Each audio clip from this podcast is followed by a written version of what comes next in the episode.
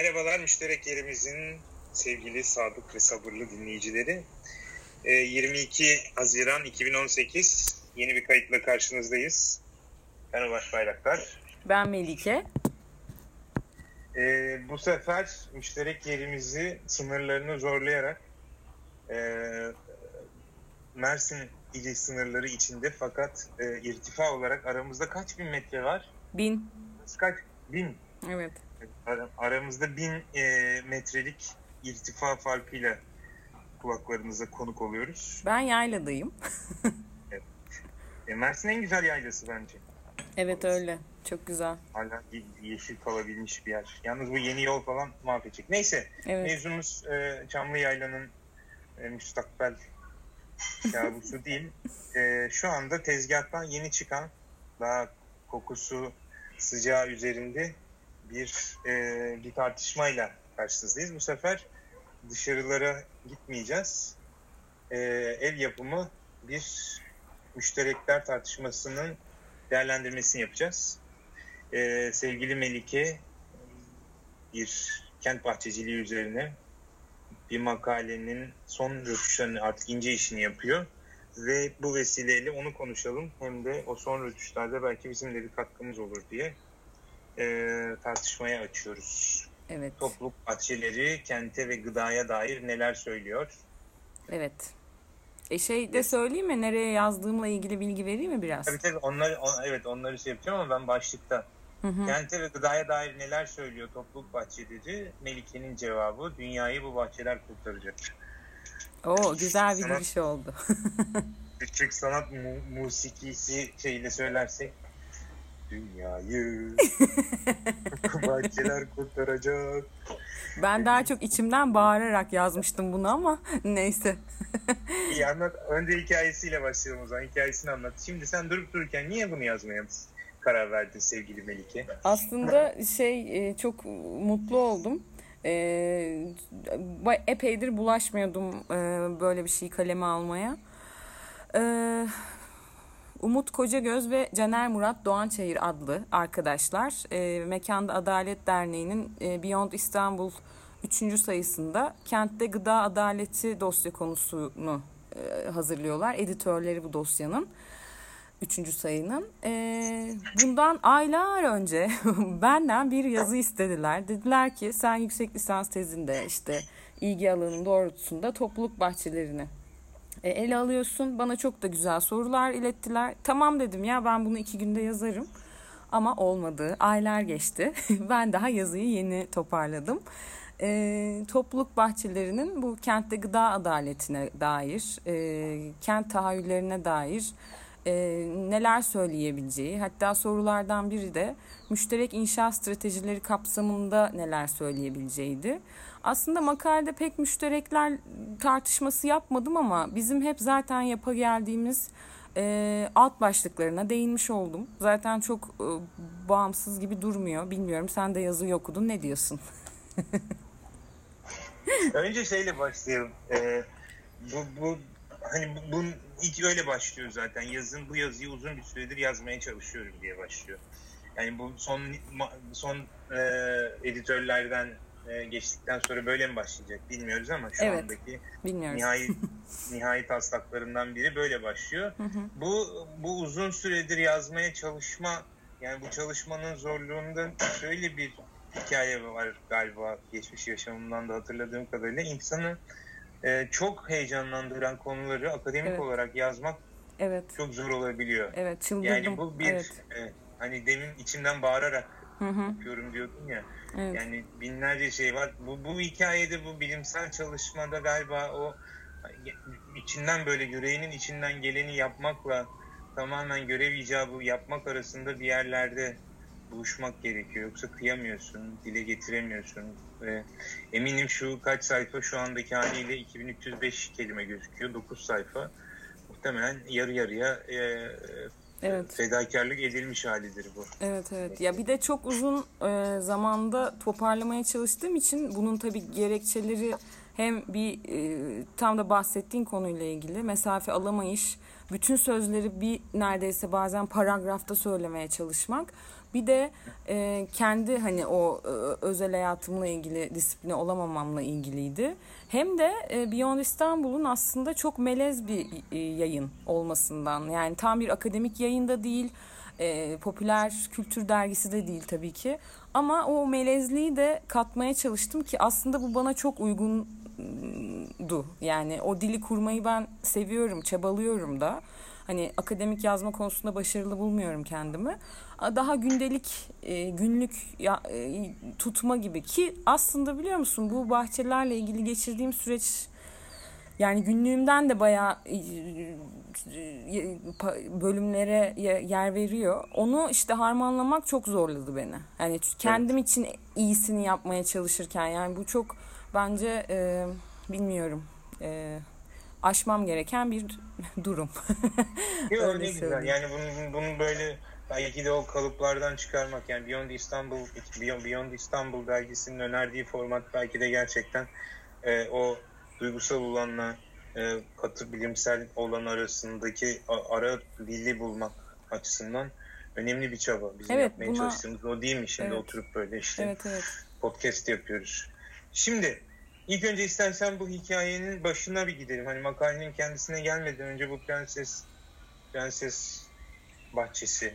Prensesler ee, Bahçesi. Berlin'de prenses. evet.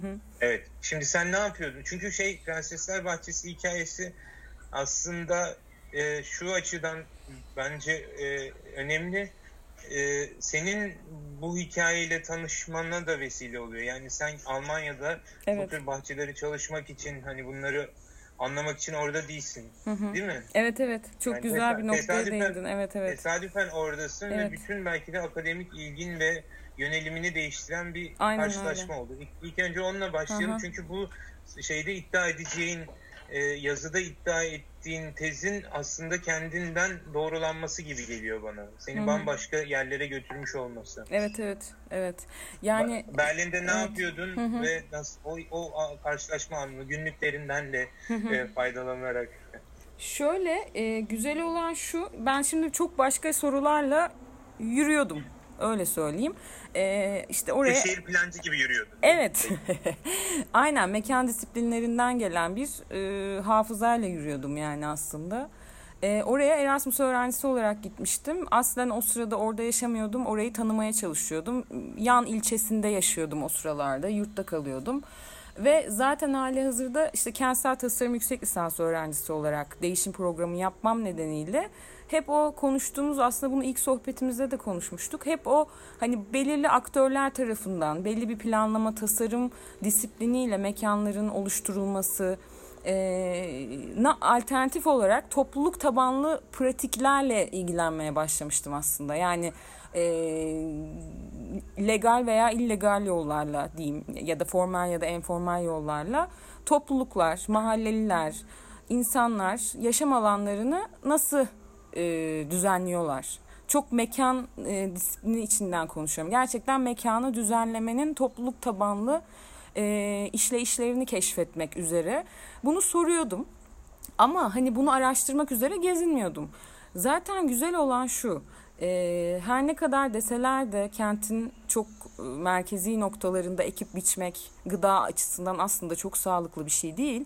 E, yoğun egzoz işte hava kirliliği falan ama neyse yazıda da bahsettiğim gibi gıdanın üretimi ve onun en sağlıklı olma hedefi değil zaten bu bahçelerinde gayesi. Tıpkı beni yaptığı gibi o kamusal alandan çekip içine alabilmesi.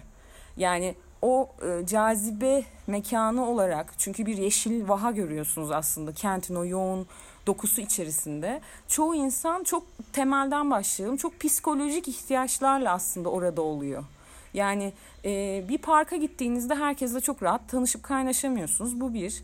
İkincisi e, belirli sosyal aktivitelere girmek bu, bu denli rahat olamıyor. E, işte belli günleri takip ediyorsunuz, belli e, belki kimi zaman ücretli mekanları e, kovalıyorsunuz. E, kentin orta yerinde yürürken gerçekten de içeri giriverdim ve yazıda da bahsettiğim gibi işte çok kısa bir süre sonra e, ben de orada ekip biçmeye başladım ve gönüllü oldum ama gönüllü olduğumda e, ben burada yüksek lisans tezi üretirim diye başlamamıştım. Ve bahçenin yaklaşımı da aslında e, oranın giderek popüler hale gelmesiyle yaratacağı tehditlere karşı da bir reaksiyon içindeydi. İşte beni gazetecilik öğrencisi sandılar ya da işte dediler ki e, sen hani önce bir ekip biçmeye başla bakalım. Gel bizim dilimizden bir anla bakalım. E, ben orada gönüllü oldum. Önce işte bir dönem geçirdim. Sonra artık ikinci dönem dedim ki benim burada bir saha yapmam lazım. Benim sorularımı bu bahçe üzerinden sormam lazım. Ee, insanlar hakikaten burada ne yapıyorlar ve bu bahçe burada neden var? Hani bunun üzerine biraz sordum. Neden yani hani e, ve gerçekten de e, benim hani hem akademik düşünme biçimimi değiştirdi. Hem bu konuyla ilgili ilk adımlarımı e, atmama vesile oldu. Oradasın değil mi bu arada? Buradayım buradayım dinliyorum. Bak çok komik bir şey anlatacağım. Mesela e, ben gittiğimde ilk işte iki, ilk iki gün içinde falan oldu bu sanırım. Bir tane böyle kasadan maydanoz yolduğumu sandım. O havuçmuş meğerse. Yani o kadar bilmiyorum düşün. Hani havucun yapraklarının toprağın üstündeki görünümünü bilmiyorum. Yani maydanozla benzediği için yoldum yani. Hani maydanoz yol dediler yoldum. Ve e, havuç olduğunu öğrenince gerçekten bunu bugün hatırladığımda o gıdanın, e, otların, sebzelerin, meyvelerin bilgisine dair de ilk e, orada aslında ben bir eğitildim diyeyim sana. E, ve daha sonra işte yüksek lisans tezimi yazdım. Döndükten sonra Almanya'dan tamamladım yani teslim ettim. Ama sonra bunlar hep böyle e, benim merakım olarak kaldı. Gerçekten de çok başka yerlere de tohum attı diyebiliriz. Yani kimisi yeşermiştir, kimisi yeşermemiştir o bilmiyorum ama benim gerçekten de heyecanlandığım ve o yüzden de dile getirmekte böyle muntazam bir yazı haline getirmekte de zorlandığım bir meseleydi bu. Ee, öyle konuştukça da devam ederim. Başlangıcı bu şekilde yani. Şimdi buradan tam da senin e, o havuçla maydanoz arasındaki e, farkı öğrenmeden yola çıkarak yani ben e, dünyayı bu bahçeler nasıl kurtaracakmış bakalım diye okuduğumda e, üç temel fonksiyona işaret ediyormuşsun gibi geliyor bana metinde. Yani bunlarla sınırlı olmayabilir tabii benim, benim okuma. Bu, bu bahçeler, bu kent bahçeleri bir e, topluluk hissiyatının oluşmasında ve e, insanların özellikle kentlerin işte senin için havuçla maydanoz ben de mesela iğdeyle zeytini ayırt edemediğim için kayınpederime rezil olmuşluğum vardır. o yaprakları Çok benziyor. evet. evet. Ee, ama o tabii e, damadın da yaşadığı hayal kırıklıklarının en büyüklerinden biri herhalde. E, dolayısıyla bir bilgi bu yani hem doğaya dair, tarıma dair hem de gıda üretim sürecine dair onlardan da bahsediyorsun. Belki tekrar geri geliriz ve bir takım becerileri edinme. Hı hı. Şimdi o bu, bu, bu doğru mu bu arada? Yani bu üçlü fonksiyon bunların belki arttırılabilir ama hı hı. önce bu e, topluluk hissiyatından başlayalım. Yani bu bahçeler nasıl bir topluluk hissi oluşmasını sağlıyor? Çünkü bu bizim bütün tartışma açısından da hep önem verdiğimiz müşterekler dediğimiz hı hı. hikayenin esasında bu toplumsal, bu toplulukla olan ilgisini çok gündeme getirdik biz bu seninle e, hasbihalerimizde. Bir oradan başlayalım. Sonra diğer iki fonksiyonu da istersen hı hı. ele alırız. Tamam. Ee, öncelikle şey yani bana şu önemli gibi görünüyor. İnsanların hani müşterekler konuşurken de aslında eyleyiş hali ya e, eyleyişler etrafında müşterekleşmek, o pratikleri inşa eylemek. Yani bahçe o kadar bereketli ve devingen bir mekan ki yani toprağı, hasadı, o, o sırada yapılan bir sürü şey ortak bir uğraş yaratıyor ve siz e, farkında olmadan orada ekip biçerken özellikle de bir topluluk bahçesi ise yani bu ne demek? E, paylaşımlı bahçeler diyelim gözünüz önüne gelebilir. Hobi bahçeleri bizim belediyelerin de ürettiği.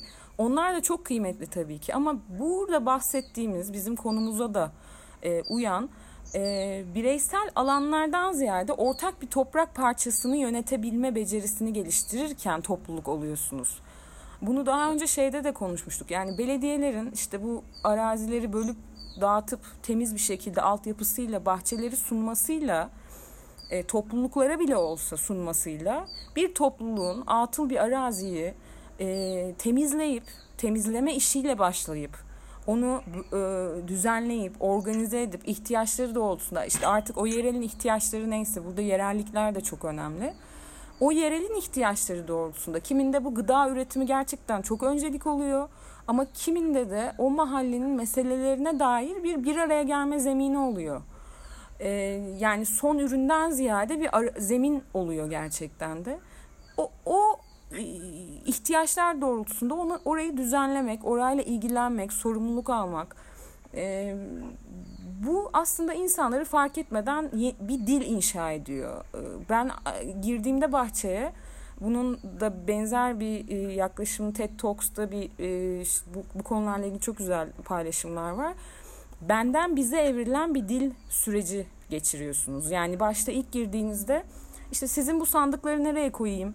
İşte sizin marulları filan derken bizim marulları şimdi ne yapıyoruz demeye başlıyorsun. Yani evet. o aslında bu topluluk dediğimiz meseleyi inşa eğiliyor ve çok da çaba göstermeden vay efendim biz bir topluluğuz düzenli toplantılar yapalım kendimize bir şeyleri mesele edinelim ve o meselelerin devamlılığı sürekliliği belli belirsiz ama bahçe öyle bir şey yaratıyor ki sende sorumluluk almak zorundasın yoksa gider biter yani hani ee, öyle de bereketli bir işleyişi var. Yani senin kontrolün dışında da şeyler oluyor. İşte koşulları ayak uydurmaya çalışıyorsun.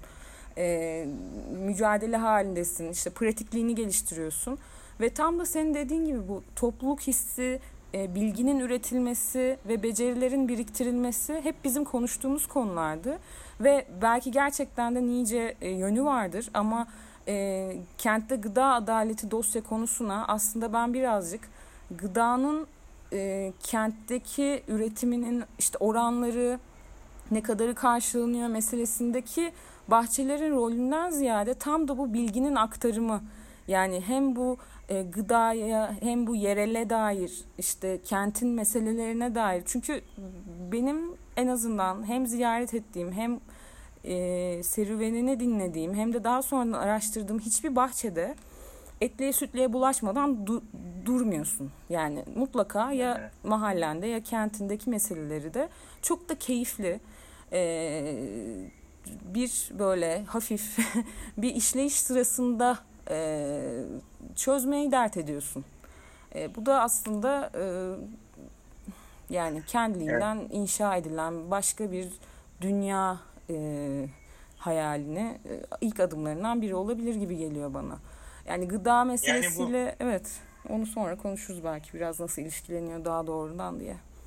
Evet. Yani bütün bütün burada önemli bizim hep böyle gönül kahve ister ne kahvehane hmm. gönül muhabbet ister kahve bahanedeki bir birinci hikaye bu tabii ki muhabbetten e, ibaret değil sen bunun diğer iki fonksiyonda daha da açıyorsun hı ama insanların bir araya gelmesi ortak bir ilgi alanı ve işbirliği vesilesi yaratması açısından yani hiçbir şekilde yan yana gelemeyecek insanlar Aynen orada iş bölümü ve oradaki hani onun sağladığı heyecanla neticede o bir de çok şey bir süreç onun filizlenmesi, çiçeklenmesi, emek yoğun. Çok emek yoğun. E, evet. Emek e, ve hani böyle bir üretim süreci e, yavaş yavaş olan bir de gerçekten zaman yavaşlıyor bahçede. Bu çok evet. önemli. Bunu fark etmek özellikle çocuklar için.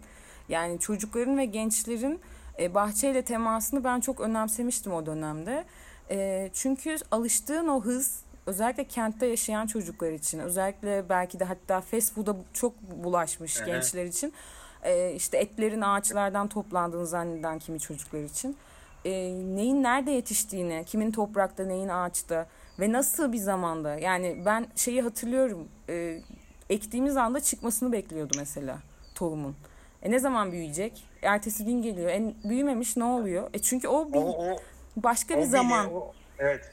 O, ona bir, bir, bir gireceğim. Yani on, ondan o hemen tohumlanmasının ötesinde daha daha da vahimi var ama önce şu hani topluluk derken hikayenin sadece insanların tanışması birbirleriyle evet e, dayanışması veya dost olmasından öte sen de demin söylediğin gibi ve makalende de değindiğin gibi o insanları bir araya getirirken üstünde yaşadıkları mekanla ilişkilerini de geliştiriyor. Yani hı hı. sen de bunu çok net bir şekilde koyuyorsun son bölümde.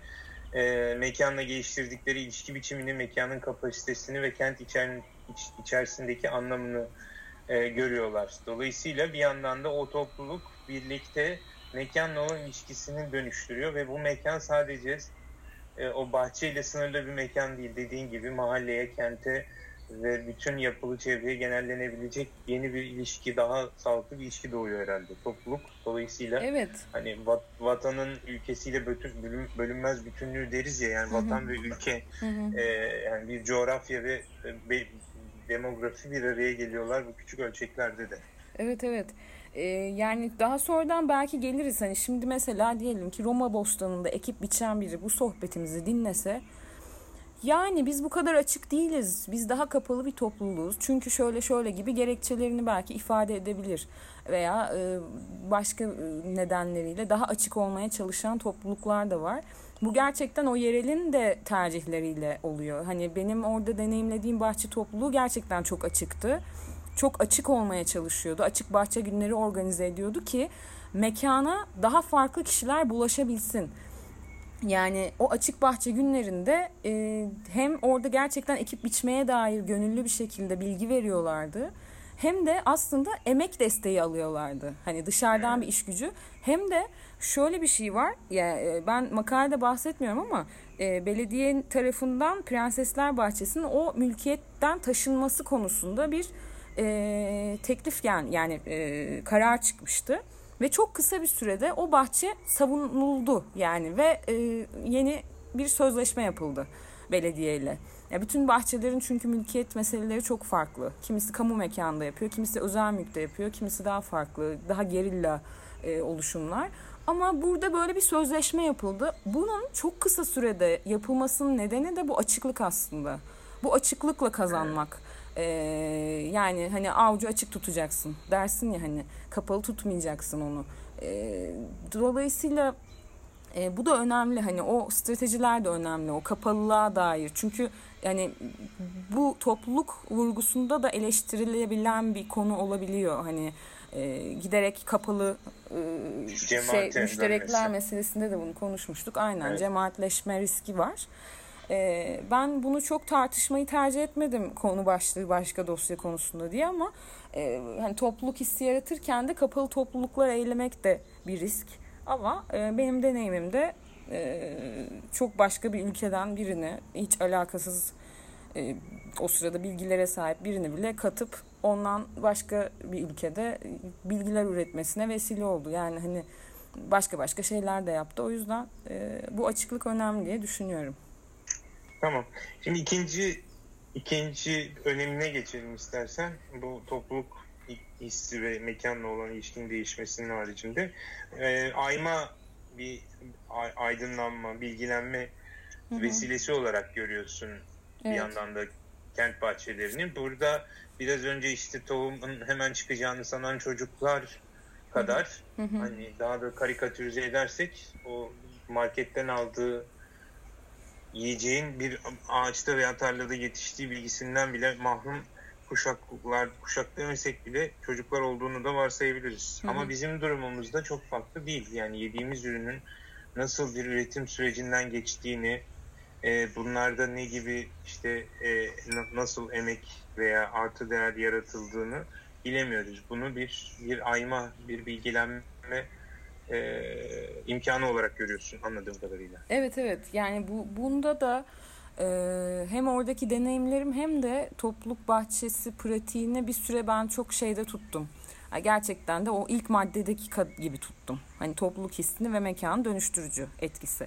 Bu hı hı. ayma meselesiyle ilgili e, farkındalığım biraz daha sonradan e, gıda üzerine, müşterekler üzerine e, okumalarımla, bizim tartışmalarımızla biraz yeniden yorumlamama neden oldu. Onu makalede de yer veriyorum. Hani başta çok şeyden bahsediyorum o topluluğu mekan dönüştürücü şeklinden ama daha sonradan şu var.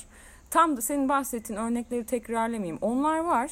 Bir de gıdanın son ürününün erişilebilirliğinden ibaret olduğunu düşünüyoruz. Hani gıda güvenliği dediğimiz Bülent Şık'ın da çok güzel ayrıştırıp anlattığı gıda güvenliği ve gıda adaletinin aslında çok daha farklı sınıflara, çok daha farklı e, profilde topluluklara e, bir şeyler söylüyor olması üzerine. Yani gıda güvenliği dediğimiz e, açıkçası söyleyeyim. Hani belki ücreti ne olursa olsun hani e, sağlıklı, organik, olabildiğince sağlıklı yetiştirilmiş gıdanın doğrudan e, teminini istiyor aslında, talep ediyor. Ve buradaki bazı sınıfsal gerilimleri konuşamıyoruz gıda güvenliğinde. Ama gıda adaleti demeye başladığımız zaman bunun adaletli erişilebilirliğini konuşmaya başlıyoruz. Ve evet. bu çok önemli. Hani burada evet. bahçelerin tavırları da çok önemli. Buradaki ayma hali de işte bize şunu düşündürüyor.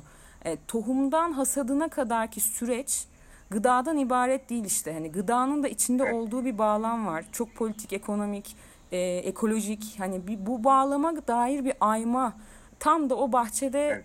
benim edindiğim muhabbetleri daha sonradan yorumlamamla da e, ilişti. Yani o sırada konuşuyorduk, ediyorduk ama daha sonradan dedim ki biz aslında onun süreçlerine dair oradaki e, işte kentteki meselelere dair çünkü hepsi aslında bu gıdanın bu bağlamını e, bize kadar ulaşmasını etkiliyor, üretimine etkiliyor, tüketim biçimlerini etkiliyor. Buradaki ayma biraz böyle de okunabilir gibi geliyor bana.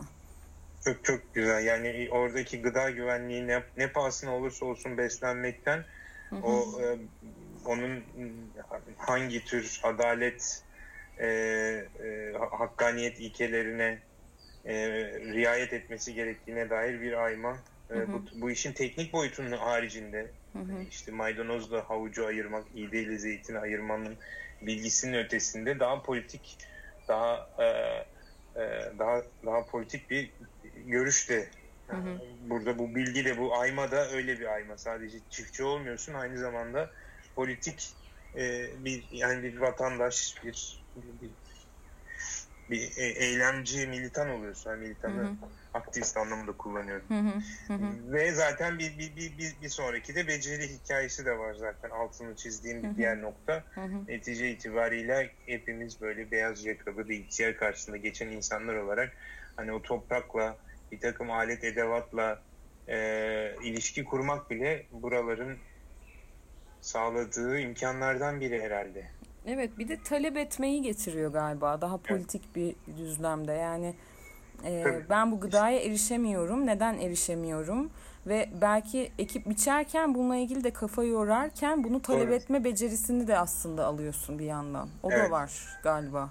Yani evet bu, bu evet çiftçi oluyorsun küçük e, bir, bir, bir belli bir ölçekte. Hı hı. Aynı zamanda bir siyasetçi, bir aktivist oluyorsun.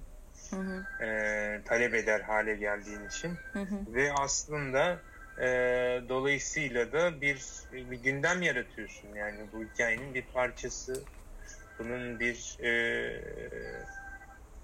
bir, bir, bir genel olarak hayatında önemli çünkü şeyden vurguluyorsun mesela insanlar bu kamusal tecrübeyi başka alanlara transfer ediyorlar. Bu bir e, hı hı. balkon olabilir ama hı hı. ya da daha büyük bir mevzuda işte ne bileyim gezi gibi bir e, toplumsal dinamizmde orada sahip olduğun örgütlenme, hı hı. eşgüdüm, iş bölümü, becerisini de kazanmış olarak başka alanlarda da kullanabileceğin bir toplumsal sermaye, kültürel sermaye rezervi oluşturuyor hı hı. herhalde. Evet evet. Yani başka tür bir işte e, yapma ve düşünme biçimi aslında e, fikir veriyor aslında ya. Yani hani mesela bahçede çalışırken bunun tek yolunun zaten bahçeleri olmadığını ama bahçenin buna bir ilham kaynağı olduğunu düşünüyordum. Hani bir topluluk e, oluşturulacaksa aslında o topluluğun ismini koymaya çalışmaktan öte önce biraz ortak uğraşlar edinme gerektiği işte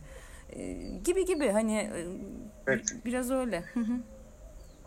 İşte bu da bu, bu bütün bu, bu hikayeden galiba dünyayı bu bahçeler kurtaracağın altı dolmuş oluyor. Buradaki bu bahçelerden kasıt sadece işte kentin bahçeleri olmadığını düşünme eğilimindeyim ben. Hı hı. Bir başka tür e, neticede bahçe yenmez. Hı hı. E, bahçe bahçenin ürünleri yenir. Hı hı. O ürünleri sen burada ben benim okumaya meyilli olduğum biçimde topluluk idrak ve e, e, beceri olarak hı hı. E, özetleme eğilimindeyim. Bu meyveler bunlar, bütün o işte havuçlar, şunlar bunların haricinde ve bu meyveleri sağlatabileceğimiz, toplayabileceğimiz tek bahçelerde kent bostanları değil işte belli evet. alanlardaki kamusal alanlar belli e, kolektif çabalar da buna dair. Dolayısıyla evet dünyayı katılıyorum sana. Dünyayı bu bahçeler kurtaracak ama bu bahçeler sadece prensesler bahçesi gibi değil. İşte müştereklerin bizi bu kadar heyecanlanmasının sebebi de galiba bu bahçelere dair beslediğimiz umutlar gibi Aynen. geliyor bana. Eline sağlık diyorum. Teşekkür ederim. Ee, senin Epey dediğine dediğine bir şey ekleyeceğim de arıyorum bir saniye. Ee, geçenlerde çok güzel bir yazı çıktı da karşıma. Ee, onun başlığını okuyacağım sana. Hep bu yazılar mahvettiniz zaten. Bak çok güzel. Yani çeviri bu. Yeşil Gazete'de yapılmış bir çeviri. Ee, The Guardian'dan e, alınmış. Kentsel müşterekler dönüştürücü potansiyele sahip ve bu yalnızca kent bahçelerinden ibaret değil. ben mi yazmışım onu? Kim yazmış? Yok yok sen yazdın. Justin McQuick diye bir adam. Tamam. Acaba ben ben okudum oradan mı şey yapıyorum sence? Bana bu, bu Yo bu yani aslında çok güzel. güzel bir şeye değindin. Yani genelde e, sadece ben düşünmüyorum bu bahçeleri bu şekilde anlatırken. Çok fazla insan da müşterekleşme pratiklerini yapıcı bir şekilde kurmak üzerine bunları vesile olarak görüyor falan ama e, burada neden diyor hani hep halk bahçeleri, kent bahçeleri ifadesi kullanılıyor. Nasıl oluyor da yeni kentsel politikaların öncülerini hep kıvırcık lahana ve kuzu kulağı yetiştirirken görüyoruz. Çok güzel bir yazı bu. Bunu da buradan e, şey yapayım yani güzel. Neye değindiğine herkes kendi baksın. Tamamdır. Harika. Evet. İyi sevindim. Ee, bence burada duralım. Epey oldu galiba. Evet evet güzel oldu. Teşekkür ederim bu arada buna zaman ayırabildiğimiz için efendim. Ay efendim ne demek benim için büyük bir zevk. Evet iyi ne oldu güzel. tamam. El, eline kalemine sağlık. Bence güzel bir yazı olmuş. Rahatladım ee, şu tamam. ince ince şeylerini de in, ince ayarını e, ince işçiliğini de yapınca hı hı e, tadından yenmeyecek gibi. E, bu bana bir rehavet olmasın da şimdi bırakırmışım tamamen. Umut'la Caner canıma okur o zaman. yok yok gelecek hafta son e, şu son halini gönder. Hı hı. Ne kadar o ince işçilikte ne, ne, neler yaptığını konuşmuş oluruz. Tamam peki. O zaman teşekkür ediyorum. Biz teşekkür ediyoruz. Haftaya inşallah görüşmek üzere diyelim. Tamam. Hoşçakalın. Bakalım nasıl bir gündemle görüşeceğiz haftaya. tamam. Hadi bakalım. Hoşçakal.